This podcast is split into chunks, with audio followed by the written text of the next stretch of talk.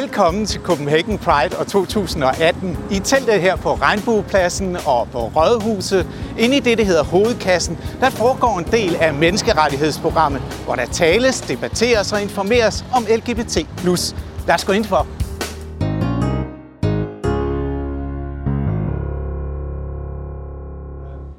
Ja, nu har jeg jo øvet mig i at snakke i mikrofon øh, hele ugen her. Det, øh, jeg har det lidt som sådan søndag på Roskilde Festival. Altså, bortset fra, at jeg ikke har indtaget øh, alkohol, så, øh, så det der med sådan en hel uge med debatter, ikke? mit hoved det så øh, fyldt det næsten eksploderer.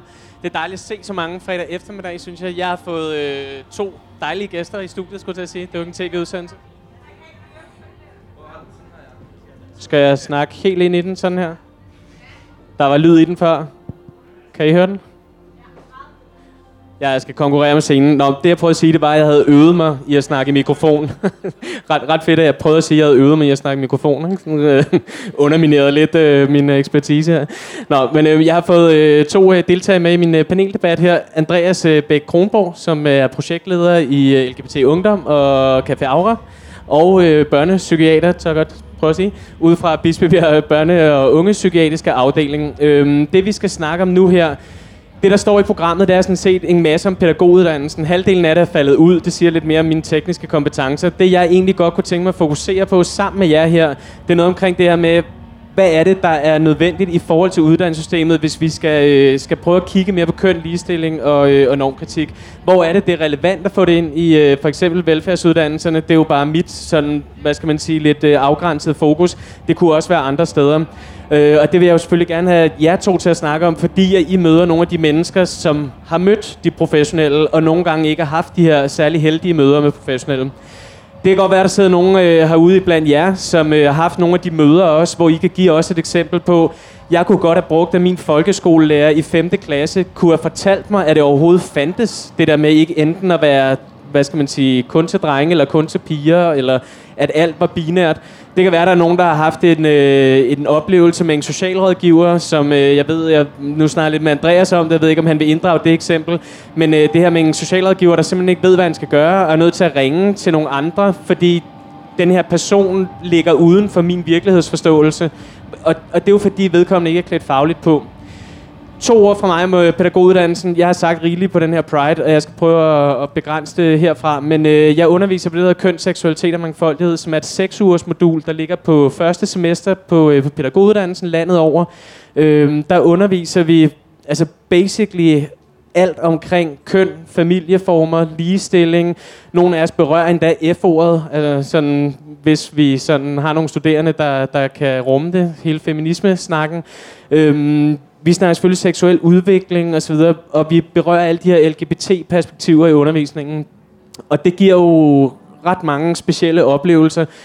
Øh, nogle gange nogle ret positive oplevelser med en ungdomsgeneration. Jeg er 43. Øh, en ungdomsgeneration, som ekstremt, et ekstremt andet sted end den ungdomsgeneration, jeg voksede op i.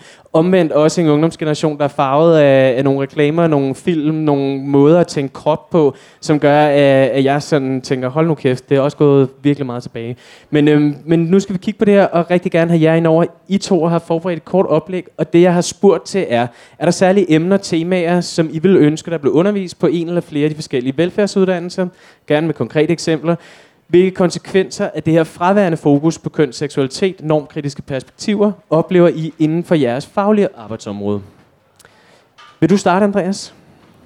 Ja, det kan jeg godt. Kan I høre, øh, hvad jeg siger? Nu er der heller ikke noget musik, så hmm, der er det lidt nok. Øhm, nå, men jeg vil, øh, på spørgsmål nummer et, altså hvad er det for nogle øh, temaer, der skal undervises i? Øhm, normkritik øh, tror jeg kunne være en rigtig god idé, at alle velfærdsuddannelser har en del af. Øh, det øh, er ikke alle, der ved, hvad øh, vores øh, skabe er lavet af, det som man springer ud af, når man bryder med normer for køn og seksuel orientering. Øh, og det kunne være en, øh, en god idé, at, øh, at det sådan var en, en grundsten i vores øh, velfærdsuddannelses øh, uddannelser. Yes. Og, øh, og det er jo selvfølgelig fordi, at øh, nogle af de konsekvenser, der kan være, øh, ved øh, ikke at, øh, eller ved der er fraværende fokus på, på køn, seksualitet og, og normkritiske perspektiver, selvfølgelig dit, dit andet spørgsmål, det er, at der er rigtig mange, det oplever jeg i hvert fald i mit arbejde, der er rigtig mange øh, unge, der fortæller os, at, at øh, den måde, som lærerne for eksempel har håndteret en, en situation på, har været ude for sådan en tolerancepædagogik. Øh, og den er uheldig, fordi en tolerancepædagogik ligger op til, at øh, der er enormt meget fokus på det her individ, som har været udsat for en uheldig situation. Og at de andre nu skal til at tolerere, det vil sige majoriteten, skal til at tolerere den her person og den identitet, som den person så øh, har. Øh, hvilket så gør i sidste ende, at det er øh, alt ansvaret falder ned på, øh, på den øh, person, som har været udsat for en uheldig situation. Øh, og det er rigtig, øh, rigtig ærgerligt, fordi det øh, bare helt banalt du er mega øh, ærgerligt for den person, der er udsat for det her. Øh, og, øh, og, og, og i forhold til, hvordan jeg forestiller mig, at det her det skal øh, øh, påvirke, eller hvem der skal påvirkes for, at man kan få de her temaer ind på uddannelse, så tænker jeg i hvert fald, at uddannelsesinstitutionerne selv øh, kan, kan bringe det op, men det er selvfølgelig klart, at øh, der skal politisk velvilje til det. Øh, der er noget lovgivning, der skal på plads, som ikke er på plads endnu. For eksempel er der ikke timesat øh, øh, i bekendtgørelsen, hvor meget seksualundervisning øh, der skal være i folkeskolen. Der står kun, at, at det skal være en del af folkeskolen. Og der er heller ikke noget krav til, hvem der udfører seksualundervisning. Og det vil så sige, at den velmenende lærer jo kan komme til at reproducere øh, nogle stereotype opfattelser af, hvordan vi gør køn øh, og bør gøre køn og, og, og prøve at normalisere en, en bestemt seks, øh, seksualitet. Ja? Mette? Ja. Øh, jeg har også øh, tænkt lidt over, hvad det er, vi skal gøre, og hvad det er, der mangler. Jeg kan ikke rigtig se, der er et sted i velfærdssystemet, hvor det ikke mangler. Altså, øh, nu siger du, du underviser selvfølgelig på pædagogseminaret, og der er også øh, noget undervisning på lærerseminaret. Øhm, men det, som jeg i praksis oplever, det er, at det nok ikke er slået helt igennem endnu. Øh, jeg har øh, selvfølgelig øh, min egen øh, faglighed inden for sundhedsvæsenet, og specielt i psykiatrien. Øh, men jeg har jo også min oplevelse som både som privatperson og som øh, deltager i øh, det her miljø, og hvad man sådan hører. Så Øh, det, som jeg synes, der mangler, øh, der, der er jo helt klart øh, normer og normkritik, som folk skal undervises i, og så er der jo øh, hele det her omkring køn og seksualitet. Øh, hvad er det for noget, som øh, børn de oplever, netop som når de for eksempel falder uden for normerne for køn og seksualitet? Hvad er det for nogle, øh, for nogle ting, de her børn har behov for, og hvordan hjælper vi dem bedst? Og øh, jeg tænker faktisk, at der øh, på alle velfærdsuddannelser, og også som efteruddannelse til, øh, til øh, medarbejdere i for eksempel sundhedsvæsenet eller læger. Øh, fordi en ting er, at de nye studerende, de lærer det, men når de kommer ud til alle de her gamle ude på arbejdspladserne, så er det rigtig svært at komme igennem med tingene. tror også, du sagde den anden dag, Jacob, hvis man står derude alene, øh, ung øh, pædagog eller lærer eller læge, så kan det være lidt svært at, at bryde muren. Øhm, og det, der mangler, det kan man jo godt kalde det, som også Cecilie Nørgaard, hun kalder sådan en LGBT-certificering, som jo så kan ud, ud, indeholde sådan en lille uddannelse i de her ting. Øhm, og det, øh, det, altså når vi ikke har det her, så har det jo faktisk ret store konsekvenser, synes jeg, for de børn, det her det berører. Øh, for psykiatrien, så øh, oplever jeg rigtig meget sådan en, øh, en tabuisering, specielt omkring seksualitet. Øh, det er rigtig, rigtig svært for folk, eller for medarbejdere, øh, både behandlere og, og miljøpersonale i psykiatrien, at tale om øh, både med børn om seksualitet, men også, om, også med de unge. Øh, har sådan eksempler på, at øh, jeg, jeg vil gerne komme med nogle konkrete eksempler. Øh, jeg, det var jo rygtes i min organisation, at øh, jeg ved lidt om det der LGBT, og så modtog jeg en dag sådan en mail fra en, jeg tror det var en psykolog, der havde en 15-årig pige gående, som hvis far havde, var sprunget ud som bøsse, og, altså det var ikke crazy, han også drag queen. Og man kunne bare mærke de der 10 uskrevne udråbstegn i den der mail. Helt vildt. Øh, og, øh, og det hun så gjorde, i stedet for bare, altså det som pigen var bange for, det var at sige det til sine venner. Øh, hvad vil de her venner sige? Og i stedet for bare at tage en stille og rolig snak med den her 15-årige, så skrev hun en mail til mig og spurgte, kender du nogle organisationer eller grupper eller noget, som den her pige kan henvende sig i? Og, og jeg måtte jo svare tilbage, altså nej, der findes ikke pårørende grupper til homoseksuelle. Det er sådan noget, der findes til kraftramte. Øhm, Altså, hvor at det, det bliver kørt op til noget, hvor det jo bare er en stille og rolig samtale. Den er 15-årig, som vi gør hele tiden. Der er mange andre svære eller sådan anderledes beskeder, de 15-årige skal give til deres omgivelser. Start med den tætteste veninde og se, om verden eksploderer. Nej, det gør den nok ikke. Også selvom din far er drag queen. Øhm, og på den måde, så er der den her berøringsangst omkring øh, seksualitet. Den anden ting, jeg også oplever rigtig meget, det er uvidenhed øh, omkring det. Det drejer sig for eksempel om transkønnede børn, øh, hvor øh, personalet de kan stå sådan helt med vilde, et vildt blik og sige sådan, gud, hvordan skal jeg overhovedet, og hvad skal jeg bruge af pronomen, og, og kan man tale et barn transkønnet, og, øh, og, og sådan helt sådan øh, bange for at gøre noget forkert også. Øh, og, øh, og det, som jeg oplever, det er egentlig også en velvilje til at, og, øh, at, at få noget mere viden på det her område. Når vi har øh, øh, transkønnede børn, eller berøring med det, så, så, så vil de gerne have undervisning. Så ringer de til mig og siger, hey, kommer du ikke og fortæller noget om transkønnede børn, fordi vi vil faktisk rigtig gerne gøre det godt. Øh, jeg tror faktisk heller ikke, der er nogen hverken læger eller pædagoger eller øh, nogen i sundhedsvæsenet, der der har lyst til, at, eller de kan ikke lide at stå i situationer med børn, hvor de føler sig inkompetente og måske kommer til at sige noget dumt. De vil faktisk gerne, specielt når de har berøring med, med, med et barn, hvor de, øh, hvor de er sådan lidt, øh, gud, hvad er det her for noget, så øh, vil de faktisk gerne have den her information. Øh, ja. Når jeg så siger, at det gælder hele sundhedsvæsenet, alle velfærdsuddannelser, så er det også, fordi jeg både kan se, at der er nogle undersøgelser, som er kommet her på det sidste. Øh, sidste år lavede AIDS-fondet en undersøgelse med kvinder, der har sex med kvinder, øh, som afslørede både den her uvidenhed omkring, hvad er lesbisk sex, kan det smitte? Nej, det kan det nok ikke, for det er jo ikke rigtig sex. Øh, jo, det er det. Det kan faktisk godt smitte med forskellige kønssygdomme. Øh, og så er der også, øh, den dokumenterer også sådan helt homofobiske oplevelser i sundhedsvæsenet, som øh, kærester, der ikke må komme med ind til, øh, til, den, til patienten, fordi det er jo ikke rigtig pårørende. Øhm, og øh, der er også et, øh, jeg har også selv to børn og har prøvet at være øh, både fødende og på sidelinjen til min ekskone, der fødte. Og, og, og den her med at føle, at, øh, at, øh, at man ikke laver en, eller i hvert fald ikke er den helt rigtige mor, det, det er der også, øh, der er faktisk et bachelorprojekt fra Aalborg Universitet, øh, i sociologi, som, hvor man har interviewet lesbiske, øh, hvor alle øh, de her interviewede øh, lesbiske, de oplever den her med, at man er så ikke helt rigtig forældre, hvis ikke man er den biologiske forælder, for eksempel. Ikke? Øh, så, øh, og så har jeg børn i børnehaver og skolevæsen, og kan se, okay, de der stereotyper for køn, de, øh, de florerer øh, rigtig meget. Ja, så hvad skal vi gøre ved det?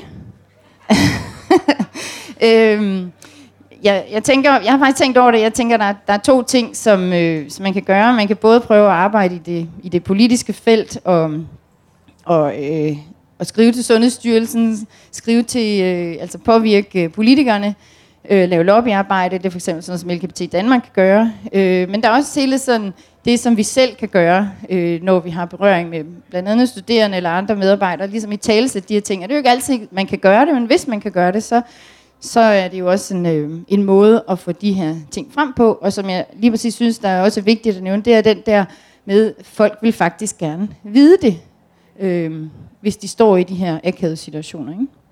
Ja. Andreas, øh, hvad med dig i forhold til det her med de konkrete konsekvenser? Øh, nu ved jeg, at du mødes med en masse unge, der er der tæt inde på livet. Er det noget, du hører om nogle gange, de her historier? Jeg ved godt, at det, der er noget etisk i forhold til selvfølgelig ikke at udlevere folks historie, men hvis du kan give nogle generelle perspektiver, hvor er det, at, det, at skoen trykker, om man så må sige, når man er bare til? Ja, altså det... Øhm Skoen trykker mange steder, ikke? og det trykker faktisk også inden for hjemmets rammer. Ikke? Altså nogle af de historier, som, som relativt mange af de unge fortæller, det, de er lidt barske. Så det er sådan noget med, at, øh, at øh, der er mistro til, øh, til dem i forhold til, at de er i gang med at udvikle den her identitet. Man tror ikke rigtig på, at, øh, at det ikke er en fase. Det har I sikkert også hørt, ikke? det her med at sådan, øh, få at vide, sådan, at det er bare en fase, det går bare over, eller det er noget, du vokser fra, eller du er for ung til at vide, at du er transkønnet, eller, eller hvad det kunne være. Øh, det er jo øh, det er ret, ret uheldigt øh, for den unge, fordi øh, det skaber mistro øh, til den unge. Øh, og, øh, og, og tager faktisk også noget myndighed fra den unge. Jeg ved godt, de er selvfølgelig ikke myndige vel, i, i, i sin juridisk forstand, men i hvert fald så, så fratager dem en, en myndighed i forhold til, at de ved øh, godt selv, hvad de har i gang med at, øh, at udvikle. Og det er der, hvor, hvor vi prøver at gå ind og sige, vi tror selvfølgelig på de her unge, vi anerkender dem for, og respekterer dem for den identitet, de præsenterer over for os og vores frivillige. Øhm, og det, de siger, det er, det er rigtigt. Ikke? Altså, de er på den måde eksperter på deres eget liv. Øhm, så altså, hvis jeg giver nogle eksempler, så, så, så er der altså nogle unge, der, der får at vide, for eksempel, når de er i gang med at udvikle identitet af, af nogle øh, voksne omkring dem, at de øh, for eksempel aldrig vil blive lykkelige, øh, eller at de aldrig vil øh, øh, få et, øh, et, ja, et, et lykkeligt liv, ikke? Og, øh, og det er selvfølgelig, øh, det får de jo nok at vide ud fra sådan en antagelse om, øh, hvilke rammer der er omkring, øh, og hvilke forventninger vi har til et lykkeligt liv øh, i dagens Danmark, ikke? Og, øh, og det, er, det er jo klart, at de unge, øh, unge, når man får sådan noget at vide i gang med at udvikle sin identitet, der er jo alle mulige andre ting i gang, skal man jo huske på, for de her unge også, øh, i forhold til øh, at være teenager, ikke? eller præ-teenager. Øhm, så, så det er jo klart, at, at øh, det øh, skaber en enorm stressfaktor hos de unge, øhm, som de unge jo heller ikke ved, hvor de skal gå hen med. Og det er det, det, som jeg tror, der er, der, er, der er vigtigt at huske på, at øh, de unge jo rent faktisk også øh, skal have mulighed for at gå et andet sted hen. Øh, og de unge faktisk også øh, skal, øh, skal have mulighed for ikke at skulle forsvare sig selv i, i, øh, i den forstand, at de skal oplyse øh, de omsorgsgivende personer omkring dem, eller primære omsorgspersoner, øh, hvad det er for noget, de går igennem. Øh, fordi at, øh, at det har de unge ikke nødvendigvis et, øh, et, et sprog for, og i hvert fald ikke kræve, at de har det. De har det, så er rigtig mange af de unge, vi ser, har det i hvert fald. Øh, men vi kan ikke kræve, at de skal oplyse voksne mennesker om, hvad det betyder at, være, øh, at, at, at have en uh, identitet, der bryder med normerne. Øh, det kan, det, så, så derfor tænker jeg også, at, at, at hvis vi har et, øh, nogle velfærdsuddannelser, måske sådan op igennem hele systemet, ikke? så lige meget, hvor de henvender sig hen, sundhedsplejersken, på biblioteket, øh, eller hvor det kunne være, så er der nogle voksne, der ved, øh, og er uddannet til at, øh, til at håndtere det her. Øh, sådan at den unge øh, ikke føler sig øh, andetgjort.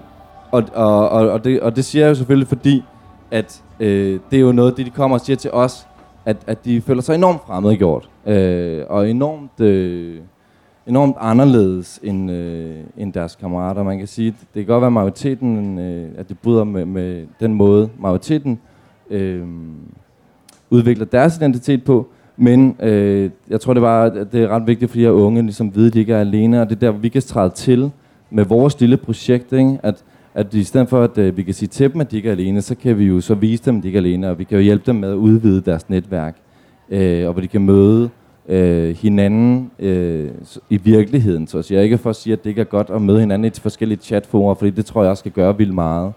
Øh, men der, det kan også have en, øh, en effekt at møde hinanden øh, Øh, i, et fysisk lokale. Mette, du nævnte det med uvidenheden, og der tænker jeg, at uvidenheden har vi jo alle sammen. Altså jeg selv i, i denne her uge, hvor jeg har deltaget i et par debatter, haft øh, sådan en stor udfordring omkring, hvordan jeg skulle øh, omtale det her begreb kønsidentitet, som en af de ting, vi, øh, vi uddanner de pædagogstuderende i, altså det her med at vide noget om børns udvikling af kønsidentitet. Fordi der er jo, kan man sige, hvis man orienterer sig inden for litteratur og forskning omkring det LGBT, også perspektiverne inden for aktivistmiljøet i LGBT-miljøet, der vil der hele tiden være diskussion omkring de her begreber. Så jeg tror grundlæggende, at du har ret i, at der er blandt lærere, blandt socialrådgivere, blandt pædagoger, der er sådan en angst for at gå til det. Altså man vil helst vende det blinde øje til, eller hvis man ser et, øh, et homoseksuelt par på gangen nede i, i børnehaven, så er det ikke sikkert, at man har lyst til lige at være den, der går hen og spørger ind til det, fordi man mangler begreberne. Altså det er i hvert fald noget af det, jeg sådan, synes, jeg kan mærke på nogle af de ældre pædagoger, jeg, jeg møder, som kommer og siger, jeg vil ønske, at jeg havde haft det på min uddannelse for jeg ved faktisk ikke, hvordan jeg skal takle det. Altså noget af det, der man kan sige, at vi alle sammen har til fælles, hvis vi har boet et vist stykke tid og har været børn i Danmark, det er jo det der med, at vi er institutionaliseret. Altså vi har alle sammen på en eller anden måde været igennem institutionssystemet. Vi har på en eller anden måde alle sammen mødt uddannelsessystemet i en eller anden grad. Og på den måde kan man sige, så uanset hvem I er, jer, der sidder herude, så har I alle sammen erfaringer fra det her uddannelsessystem, hvilket jo, øh, der kan godt mærke, det er sådan meget nemt for mig, ikke? fordi øh, så kan jeg kigge på jer alle sammen som eksperterne. Det er ikke sikkert, at I alle sammen har historier, jeg har lyst til at dele, men jeg kunne rigtig godt tænke mig i den her debat, jeg vil meget gerne have jer mere på banen, men jeg kunne godt tænke mig at lade det være nogle af de oplevelser, eller nogle af de spørgsmål, nogle af de øh, idéer, I har, øh, være drivende? Altså, hvor er det, I har mødt lærer, eller har haft en ven, der, øh, der helt tydeligvis blev, øh, hvad skal man sige, blev mødt forkert på grund af noget identitet? Du har allerede en finger op. Øh, jeg tænker, at det kan være, at der er nogen, der bliver inspireret efterhånden, som, øh, som kommentarerne kommer ind. Ja. Det er fint nok. Jeg skulle sige, altså, jeg tænker nok, jeg har brug for den, hvis de går i gang derovre igen. Jamen, det er ikke... Altså, jeg arbejder i børnehave, så jeg, og jeg er pt. så godt nok den eneste queer person på institutionen. Men det er ikke så meget det. Jeg, jeg tror, noget af det helt grundlæggende er, nu siger du det selv, de underviser i det som et modul på pædagoguddannelsen. Øhm, et lille seks ugers. Og så bliver spørgsmålet, hvor meget af den her normkritik farver resten af fagene? Hvor meget er det normaliseret for de andre undervisere at have det her i mente, når de underviser i alle mulige andre fag? Når vi har at gøre med socialisering af børn, den neurologiske del af udviklingen af hjernen, osv. osv. Alle de ting, som børnene går igennem, når vi har dem i institutionerne. Fordi det er meget fint, at man konkretiserer det og har det kogt ned på et 6 ugers modul. Det er det er obligatorisk på nuværende tidspunkt, ikke? for jeg er, jeg er den gamle. Det var det ikke. Der kunne man vælge, om man ville have det sammen med sådan noget som sport, eller noget andet, man ville specialisere sig indenfor. Øhm, dengang var det jo ikke nogen særlig dygtige undervisere. Jeg, ham, der skulle undervise i queer-teori, han lagde ud med at sige, at transvestitter og transkønnet var det samme. Og så overtog jeg undervisningen. Og han meldte rent ud, at han ikke vidste noget om det. Og, og det er sådan lidt for mig giver et indblik i, at man er også... Man kan ikke... Det er det der med, at de bliver isoleret på den måde. Det er jo meget fint, at man er nødt til at starte et sted med at være normkritiske for den heteronormativitet, der er i samfundet nu. Men jeg tror også, og det er også min oplevelse på min arbejdsplads, er, at rigtig mange af mine kollegaer føler sig legitimiseret i deres uvidenhed omkring queer-miljøet og LGBTQ-miljøet i det, i det hele taget. Øhm, fordi det bliver isoleret fra den samfundsnorm, der er for majoriteten, den heteroseksuelle øh, ah, majoritet. Øhm, så et eller andet sted tænker jeg også, at man skal have det med ud i det offentlige rum og op på et, et lidt højere niveau, end det der med at sige, nu tager vi det her på den lille skala. Det er selvfølgelig et rigtig godt udgangspunkt, og et rigtig godt sted at starte, og sikkert også nødvendigt. Men det kan være lidt lige meget, hvis alt det omgivende ikke følger med, og ikke har det i mente også. Øhm, nu er jeg typen, der gerne vil snakke om det med mine kollegaer, og de kommer og siger, må jeg gerne spørge om noget? Og siger, det må du godt til mig, for jeg har det fint nok med at give mine oplevelser og min erfaring med det. Men et eller andet sted, så er det måske også nemmere, hvis de ældre pædagoger og ældre lærere bliver taget ud på nogle efteruddannelseskurser, hvor det ikke føles så personligt. For det kan godt være svært, når det er mennesker, man har en relation til, tænker jeg. Og jeg ved, det er en af grundene til, at altså, mine vil aldrig spørge forældre. Fordi det er en meget grænseoverskridende skridt at tage. Og komme ind på dem i privaten på den måde. Så måske. Altså, du nævner jo igen, igen en af mine kæpheste der med efter videreuddannelse. I øh, er inde på det også, du er i hvert fald i forhold til, til sundhedsfaglige område. Hvis nu du skulle øh, fik sådan en ønskeseddel og bare fik lov til at ønske løs, hvad var det så, øh, hvilke grupper inden for sundhedsfaglige område var det, du gerne ville have efteruddannet, og, og hvilket fokus? I nævner begge to det normkritiske. Hvilke dele af det, altså hvor er det det er mest nødvendigt, hvis du lige skulle sætte på det? Altså, jeg synes jo, det er en virkelig relevant øh, kommentar, for det er jo lige præcis det der med, at man tager det ud af hverdagen, og så får man sådan et, et, et eller andet øh, antal længde kursusdage øh, med det her, og så går man tilbage i sine øh, normer igen. Øh, altså det ideelle samfund, det vil jo være, hvor vi alle sammen øh, i hele samfundet var normkritiske hele tiden.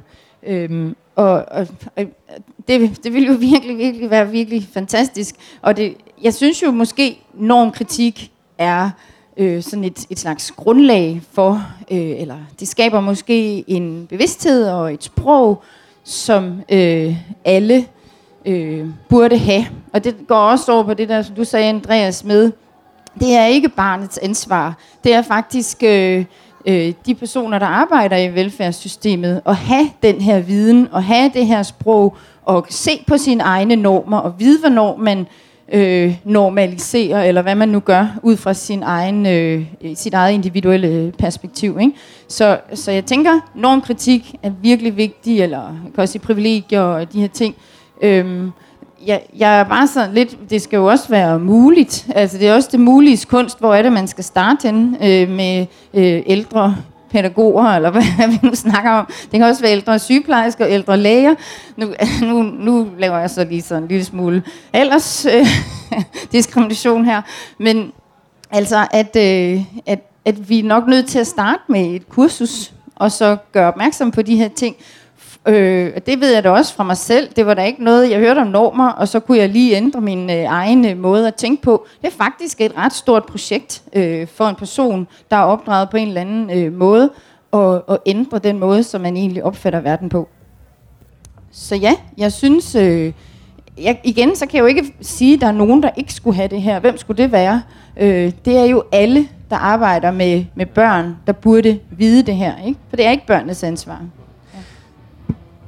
Ja, altså vi har øh, super gode kommentarer, ikke? Det der med, så har man normkritik i, i seks uger, og så er det det. Altså det er det jo aldrig. Det der er problemet, så at sige, med normkritik er, at du aldrig bliver færdig med det, ikke?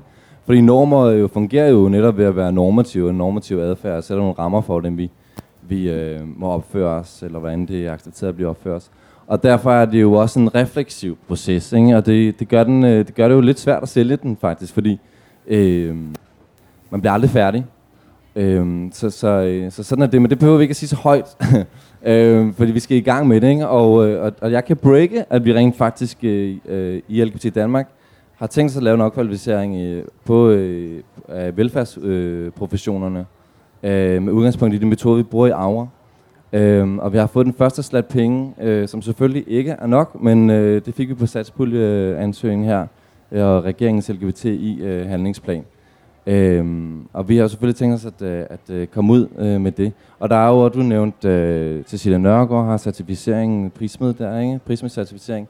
Og LGBT Danmark har også empatisk arbejdsmarked, hvor man også arbejder med normkritikken og, og øh, inkluderende sprogbrug og, og øh, hele pakken. Ikke? Øhm, fordi det, det er netop øh, noget, vi skal, vi skal arbejde med hele tiden, og som vi skal hjælpe hinanden med også. Ikke? Altså, vi skal jo netop også skabe en kultur, hvor vi kan øh, øh, hvad hedder det, hjælpe hinanden igennem, øh, igennem forskellige situationer. Ja.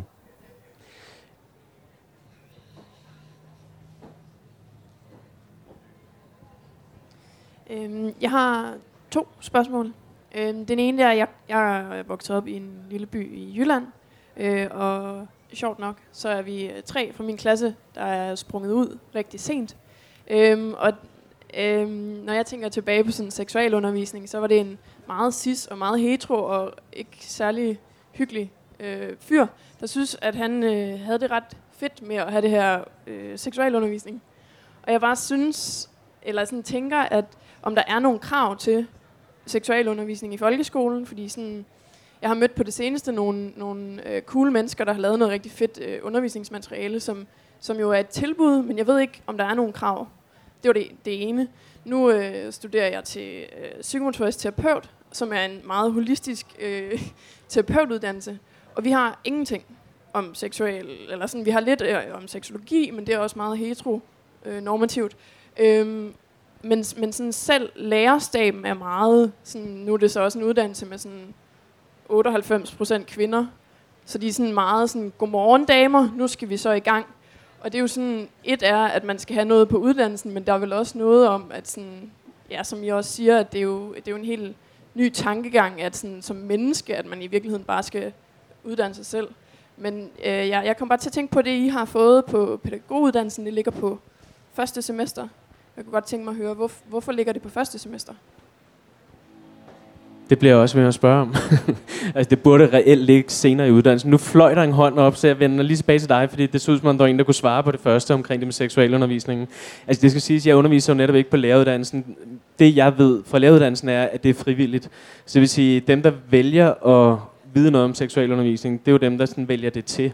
Øh, sådan er det jo blevet på pædagoguddannelsen med etnicitet. Jeg ved ikke, kender nogle af de der gamle øh, legeredskaber, man havde 70'erne, hvor man har sådan en lille øh, øh, træbrik, slår man den i med en gummihammer, og så flyver der en ud i den anden ende. Det var sådan lidt sådan, det var der køn og seksualitet og mangfoldighed kom ind, så røg etnicitet ud i den anden ende. Så det er faktisk et valgfag nu, om man øh, vil have noget om kulturmøder og interkulturalitet. Og det er sådan lidt skørt, altså igen den der tankegang om, at ting ikke hænger sammen. Og det der så er udfordringen, det er, at det bliver personborget. Så det vil sige, der kan jo sidde, du sidder som pædagog og har haft det her modul godt nok valgfrit lidt før, men pædagoger kommer ud med vidt forskellig viden om køn, seksualitet og mangfoldighed. Hvis de møder mig, så får de alt muligt insider, aktivistviden, og nogle gange sikkert også alt muligt forvirret. Øh. Så var jeg på den her konference med LGBT Asylum, så skete der det. Andre de underviser nogle af de tunge teoretikere, altså hardcore filosofer, nogle de underviser Freud. Altså, så, så, så det er jo meget spredt. Altså, vi har nogle fælles læringsmål, men det er også lidt sådan kastet ud Så det kunne også være noget af det, man snakkede om. Hvordan får vi lavet en eller anden fælles pensum, hvis vi får det ind på uddannelserne? Og psykomotorik er jo oplagt. Altså man kan sige, det, øh, det er jo så oppe i Hillerød, forestiller mig. Ikke? Og, og det er sådan en arbejde holistisk, uden at snakke køn og seksualitet. Det, er jo, det, ja, det lyder også lidt specielt i hvert fald. Øhm, nej, jeg synes faktisk ikke, at det er et, et, et, en hver skolelærers pligt at uddanne sig selv i... Øh, jeg er skolelærer. Og jeg er en af de gamle skolelærer, har været det rigtig mange år, og jeg synes, det er meget, meget svært at, øh, at undervise i det her. Og jeg synes ikke, øvrigt ikke, at jeg får... Øh, jeg synes ikke, jeg får nogen øh, hjælp fra de der læringsplatforme, som, øh, som jeg i øvrigt synes var det sted, man skulle øh, begynde at arbejde på. Der ligger utallige læringsplatforme, hvor man kan gå ind og også lave undervisningsmateriale, som øh, spreder sig rundt i de andre fag. Det kunne jo være skønt, hvis vi hvis vi havde nogle øh, undervisningsforløb i, øh, i de humanistiske fag. Øh, det er sådan med, øh, uden at kaste jer ind i et langt foredrag om, hvordan folkeskolens schema er organiseret, så er seksualundervisning et øh, skemaløst, et timeløst fag, og det vil sige, at det bliver altid varetaget af en af de lærere, der er i klassen i forvejen. Og vi er jo ikke uddannet til det. Så det er sådan lidt, kom sig, kom sa, her er lidt et kondom, og vi ser lige en film, og vi er ikke dygtige nok til det. Men, men det er ikke fordi, vi ikke vil, tror jeg. Det håber jeg i hvert fald ikke, at det er. Men, men vi er ikke særlig godt hjulpet, og det kunne være rigtig rart, hvis der var nogen af jer, der vidste noget, som ikke kun hjalp de nye, men også os gamle. Det skal siges, at der lige nu er en reception på en, øh, en ny bog om seksualundervisning, som øh, en antologi øh, med en del, i hvert fald normkritisk inspirerede forfattere. Så, øh, så der er jo håb forud. Men igen, det, det, der, det manglende at det struktur på det der med, hvem er det, der får hvilken viden, og hvem skal give den videre. Jeg sad til, øh, til et, øh, et, øh, hvad hedder sådan et kontaktgruppemøde. Jeg sad i sådan en kontaktgruppe til Institut for Menneskerettigheder. De har ud, øh, udgivet noget materiale omkring det her med kulturmøder. Nu arbejder de på at få noget undervisningsmateriale ud til både læreruddannelsen og pædagoguddannelsen, der også går på køn, seksualitet og mangfoldighed. Øhm, og der sad jeg så sammen med kolleger fra hele landet, øh, og det var en blandet kursusdag, hvor der var øh, fire timers program omkring det her med, med socialt udsatte børn, noget omkring det her med kultur, og så var der to timer omkring det her med køn, seksualitet og mangfoldighed. Og der er en af dem, der så, sådan, så kigger på programmet og, og griner lidt. Sådan en, en, nu siger jeg ikke ældre, for det var vedkommende ikke, og det skal også være synd, hvis alle skal være ældre, hvis de øh, er fornuftige ældre mennesker også. Men, men, øh, men hun sidder så og kigger på program, griner og sådan siger højt ud i rummet, Nå, så skal vi jo sidde og sige hen til hinanden fra klokken 2 til klokken 4. Altså, så der får hun lige sådan sablet hele fagligheden for alle os, der sidder og rent faktisk underviser køn, seksualitet og mangfoldighed, at, at når det er sådan helt ind i, i den gruppe, der underviser øh, på de forskellige øh, videregående uddannelser, så har vi jo også et problem øh, i forhold til at få det spredt ud, fordi folk tør dårligt sige, at de underviser på det. Det er sådan lidt det der enhedslistens queer-udvalg, øh, det må være nogen af, der sad en tidligere her og blev kaldt læben lige fra 7. klasse. Altså, det må være nogle af de der underlige, der selv har de der seksuelle præferencer. Hvorfor skulle de ellers gide at undervise det? Ikke? Når, når den historie allerede går, så kan det også blive sværere at rekruttere folk til at undervise det. Jeg tror også, det er en rigtig vigtig ting at have med, fordi det er sådan lidt, altså jeg er da the queer token person på min arbejdsplads, det er også derfor alle så kommer til mig med spørgsmålene. Øhm, jeg tror, der er en ting, der er rigtig vigtig at huske her for folk, der har til heteronormativ privilegie i det her. I kan vælge at gå hjem og lukke jeres dør. Folk, der har det, kan vælge at sige, det kan jeg sgu ikke lige overskue at tage mig af, for det behøver man ikke. Det er min virkelighed. Jeg kan ikke gå hjem og lægge, lukke døren og sige, det er sgu også lige meget, jeg gider ikke rigtig kæmpe for det i dag. For det er det liv, jeg lever. Og, og let's be real, statistisk set, nogle af de børn, jeg arbejder med, kommer til at stå i samme situation. Og jeg kunne godt tænke mig, at det samfund, de bliver en del af, ikke bliver et samfund, der er så opdelt, som det stadigvæk er. Altså, jeg ville da gerne komme ud i folkeskoleklasser og fortælle om min queer-oplevelse, og forhåbentlig ville det resonere med nogle børn og unge. Men accepten kommer altså, når det er de heteroseksuelle og de ciskønnede og dem, der lever i, i, i den heteronormative verden, der ikke fremmedgør det.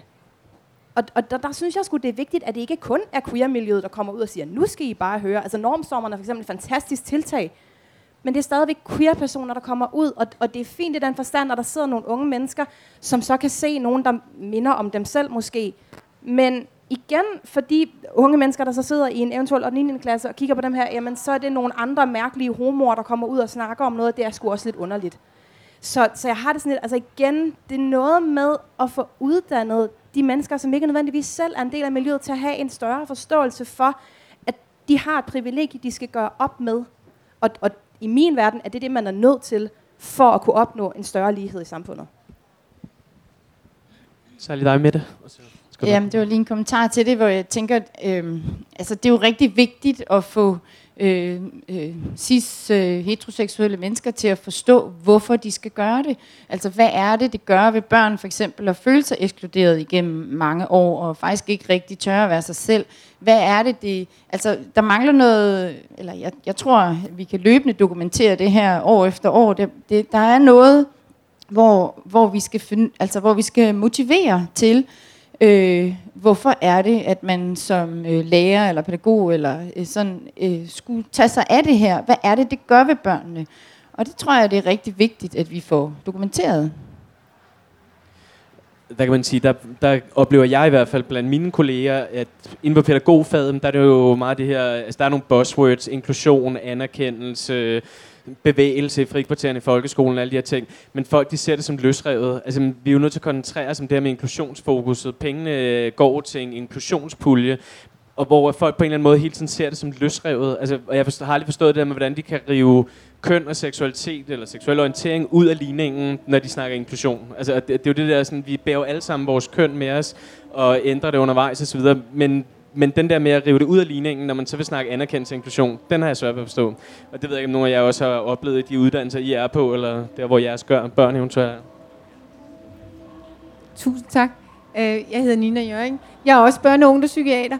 Øhm, og jeg har lidt lyst til måske at løfte op til ikke kun at være kønsidentitet, men i virkeligheden også race og kultur og alt andet. Fordi jeg synes, det er sådan et dejligt ord, det der normkritik. Og hvis vi i virkeligheden kunne på alle uddannelser og fra børnehaven af, alle sammen tænke i, om, om vi er i gang med en eller anden form for fortælling, der sætter nogle normer. Jeg har en svigerdatter, der er brun. Hun er indisk. Og når vi er hjemme hos dem, så snakker de om de rejefarvede. Det er min søn, der er rejefarvet. Han er sådan en sjov en, der bliver solskoldet. Øhm, så det er en helt anden fortælling, de har der. Men vi kan godt snakke sammen, hvis ikke vi har nogen idé om, at vi skal vide alting. Så det er okay ikke at vide, hvordan man skal tale om det ene eller andet, hvis man bare starter med at være nysgerrig og respektfuld. Så jeg kan godt snakke med mine indiske øh, familiemedlemmer, vil jeg bare spørge dem, hvordan snakker I om sådan nogen, der er hvide ligesom mig? Hvordan vil I gerne kaldes? Og de børn, jeg har mødt, som har været transseksuelle eller haft andre ting, der har jeg jo bare startet med at sige, øh, jeg ved ikke så meget om det. Hvad vil du gerne? Hvordan skal vi snakke om det? Så vi kan måske også undervise i nysgerrighed og respekt. Jeg snakker man en af dem, der, der meget også taler for normkritisk pædagogik, Tekla Sanger ude for læreruddannelsen, hun omtaler netop den normkritiske pædagogik som en nysgerrighedens pædagogik. Fordi det, der er det grundlæggende i det, det er jo det der med netop at have modet til at stille spørgsmålet til den, du skal være i en eller anden form for relation med, om det så er professionelt, fagligt eller hvordan. Ikke? Så. Jeg hedder Adam, og øh, jeg er psykolog, men kom til at tænke på i forhold til hele det her. Altså, øh, vi har lige været ude... Øh, på Krabs Skole øh, med øh, et foredrag inden for Seksologisk Institut, hvor vi oplever i forhold til det her folkeskolevæsen, at lærerne er faktisk svært motiveret. Og, og der var sådan en underviser derudefra, der, der sagde noget, jeg synes var utrolig interessant. Altså, vedkommende siger, at det er vel ikke meget anderledes, end øh, at, at jeg som underviser skal, skal, skal lære YouTube at kende, hvis jeg skal undervise i IT, og, og vi havde en... Øh, håndboldunderviser, som sagde, jamen jeg bliver jo også nødt til at lære at spille fodbold. Og, og jeg tænker, jamen, altså, vi, vi kan jo godt øh, kritisere undervisere tværs, men det har vel lige så meget med at være en engageret underviser, være, være interesseret i, i den generation, man farver. Altså, hvis jeg skal være en god underviser, så bliver jeg jo nødt til repræsentativt at kunne repræsentere øh, det, det rører sig. Og, og vi bliver jo og er, gudskelov, rigtig, rigtig mange åbne, homoseksuelle, transseksuelle og alt muligt andet. Så, så, så sværere er det jo ikke. Når det så er sagt, så kan det da godt være, at efteruddannelse er vejen frem, men jeg tænker lidt det der. Jeg, jeg blev i hvert fald meget fanget af det, underviseren sagde. Jeg bliver nødt til at, at sætte mig ind i, at det, der, der er fremtiden, så lad os bare kalde det fremtiden, hvis det gør det nemmere for nogle undervisere. Altså, jeg synes i hvert fald, det er en meget, meget interessant... Øh, og der var i hvert fald en meget stor velvilje, når man lige frem bliver inviteret ud på en folkeskole for at undervise så er det i hvert fald en interesse, der er som underviser. Hvad gør vi for at være bedre rustet? Jeg synes, det var øh, meget inspirerende. Så mit indtryk er også, at interessen er stigende. Altså, det er jo alle mulige former for steder, der gerne vil have en ud. Også nogle gange lidt spøjs, når man underviser på pædagoguddannelsen, og så bliver inviteret ud i nogle sammenhæng, hvor man egentlig har meget lidt fagligt til fælles, men der er få, der ligesom stikker næsen frem og siger, at det underviser vi i. Øh, det er meget personbåret. Jeg tænker, der er en 6-7 minutter tilbage. Øh, max. 6,5. øhm, jeg kunne godt tænke mig, øh, når nu vi har snakket lidt om øh, nogen fra Priden og, øh, og mig, at lave en konference ude på, øh, på UCC på et tidspunkt med det her som hovedfokus. Invitere nogle politikere derud for nogle af dem, der netop øh, er de personer, der underviser, nu er det så socialrådgiveruddannelsen, læreruddannelsen, som underviser køn og normkritik i deres egen undervisning, men som jo ikke har det inde i deres schema. Så en eller anden form for brainstorm, nogle hurtige indslag på, hvad kunne I ønske, at der kom ind på de her uddannelser, hvis nu vi skulle, øh, skulle prøve at skubbe lidt til de politikere, vi får med der. Der var en kommentar der, du skal også nok komme på lige bagefter, men... Øh. Jeg synes, det vigtige er nu, er, øh, jeg er lige blevet færdiguddannet lærer. Jeg synes, det vigtigste fra min uddannelse, det er, at det, det med seksualitet eller køn eller etnicitet i det hele taget, det ikke bliver noget, der er separat den resterende uddannelse. Jeg har for eksempel undervist i 2. verdenskrig, hvor jeg endte med, øh, og så snakkede vi lige pludselig, hvad er LGBT+, eller for et ord i 4. klasse. Ikke? Altså man kan sagtens øh, diskutere mange af de her ting ind i de resterende fag og ind i andre kontekster. Det tror jeg også, at man bliver nødt til, som at de underviserne på de her uddannelsesinstitutioner skal indse, eller sådan, at det behøver ikke være noget separat. Det er faktisk en del af hele den måde, vi tænker at gøre verden på, som vi også kan snakke om i et dagligt sprog. Ikke? Så et grundlæggende bredt, bredt fokus, altså på tværs af fagene. Det bliver meget fagfagligt tit på læreruddannelsen, ikke? siger jeg sådan lidt øh, pædagogskeptisk. Men det skal ikke være separat at sige, nu snakker vi kønsseksualitet, men at det faktisk er en del af den resterende undervisning. Både på alle de brede uddannelser, at sige, det er faktisk en del af vores hverdag, og en del af identiteten, som vi faktisk diskuterer i alle fag hele tiden. Ja, vi kan ikke undervise noget, uden at kønnet netop er med også, eller seksualiteten. Ja. Nogle andre, der har et, øh, et bud til ønskesedlen? Du har allerede mikrofon. Ja, jeg fik den lige overleveret. Øhm, altså, man kan, det kunne sådan set godt komme på ønskestedet, for jeg har det sådan, jeg tror noget, det er fint at være nysgerrig og åben, og det er også enormt vigtigt for, at det her det skal kunne lykkes. Og så skal man tænke på det, nu blev ordet holistisk brugt lige før omkring nøddannelse, og det tænker jeg er sådan en ret god tilgang at have til det.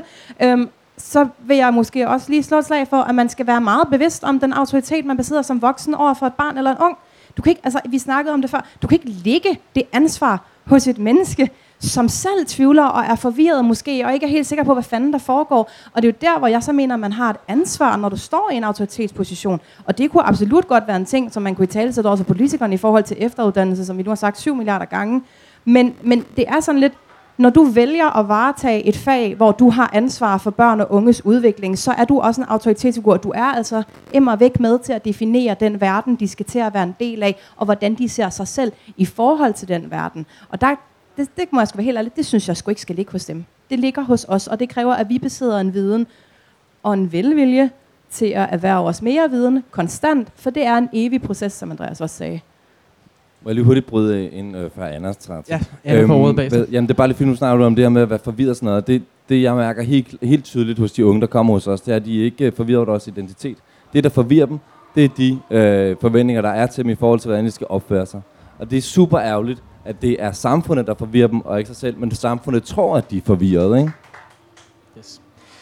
Anna, du får ordet, og jeg fik lige peace-tegnet over for hjørnet der, så... Jeg, gør, jeg tænker bare, at det var en rigtig god pointe, der blev løftet før, at, at det handler også om brune børn, om tykke børn, om alle mulige børn, der ikke er repræsenteret i de øh, velfærdsfaglige, der er ude der. Og problem, det overordnede problem, tænker jeg, som også ligger meget op til det, du siger, det er, at man uddanner velfærdspersonale til at tage sig af hvide, ciskønnede, heteroseksuelle, slanke osv. osv. osv. personer. Og hvis man har et velfærdssystem som vores, hvor rigtig mange børn går i folkeskole, eller i børnehaver og daginstitutioner og sådan noget, så er det bare et problem, at man ikke er uddannet, kan man sige, til at tage sig af de børn, man så rent faktisk møder. Ikke? Så meget af det handler om et spejl, hvor man siger, det nytter ikke noget at lave modulundervisninger til de børn, der ikke er repræsenteret, så kan man blive ved og ved og ved. Så en sidste opfordring, øh, kan man sige, der hvor I er, Snak med jeres underviser, snak med jeres underviser, underviserledelse, snak med jeres pædagoger, snak med jeres lokalpolitikere om, hvorfor der ikke er fokus på køn, ligestilling og normkritik i en bred send, som netop jo indebærer noget af det, Anna siger, med fokus på alle de forskellige, øh, både risikofaktorer, men også forskellige kategorier. Dejligt at se så mange. Tak for, øh, for debatten, og tak for jeres deltagelse. Det var dejligt. Tusind tak.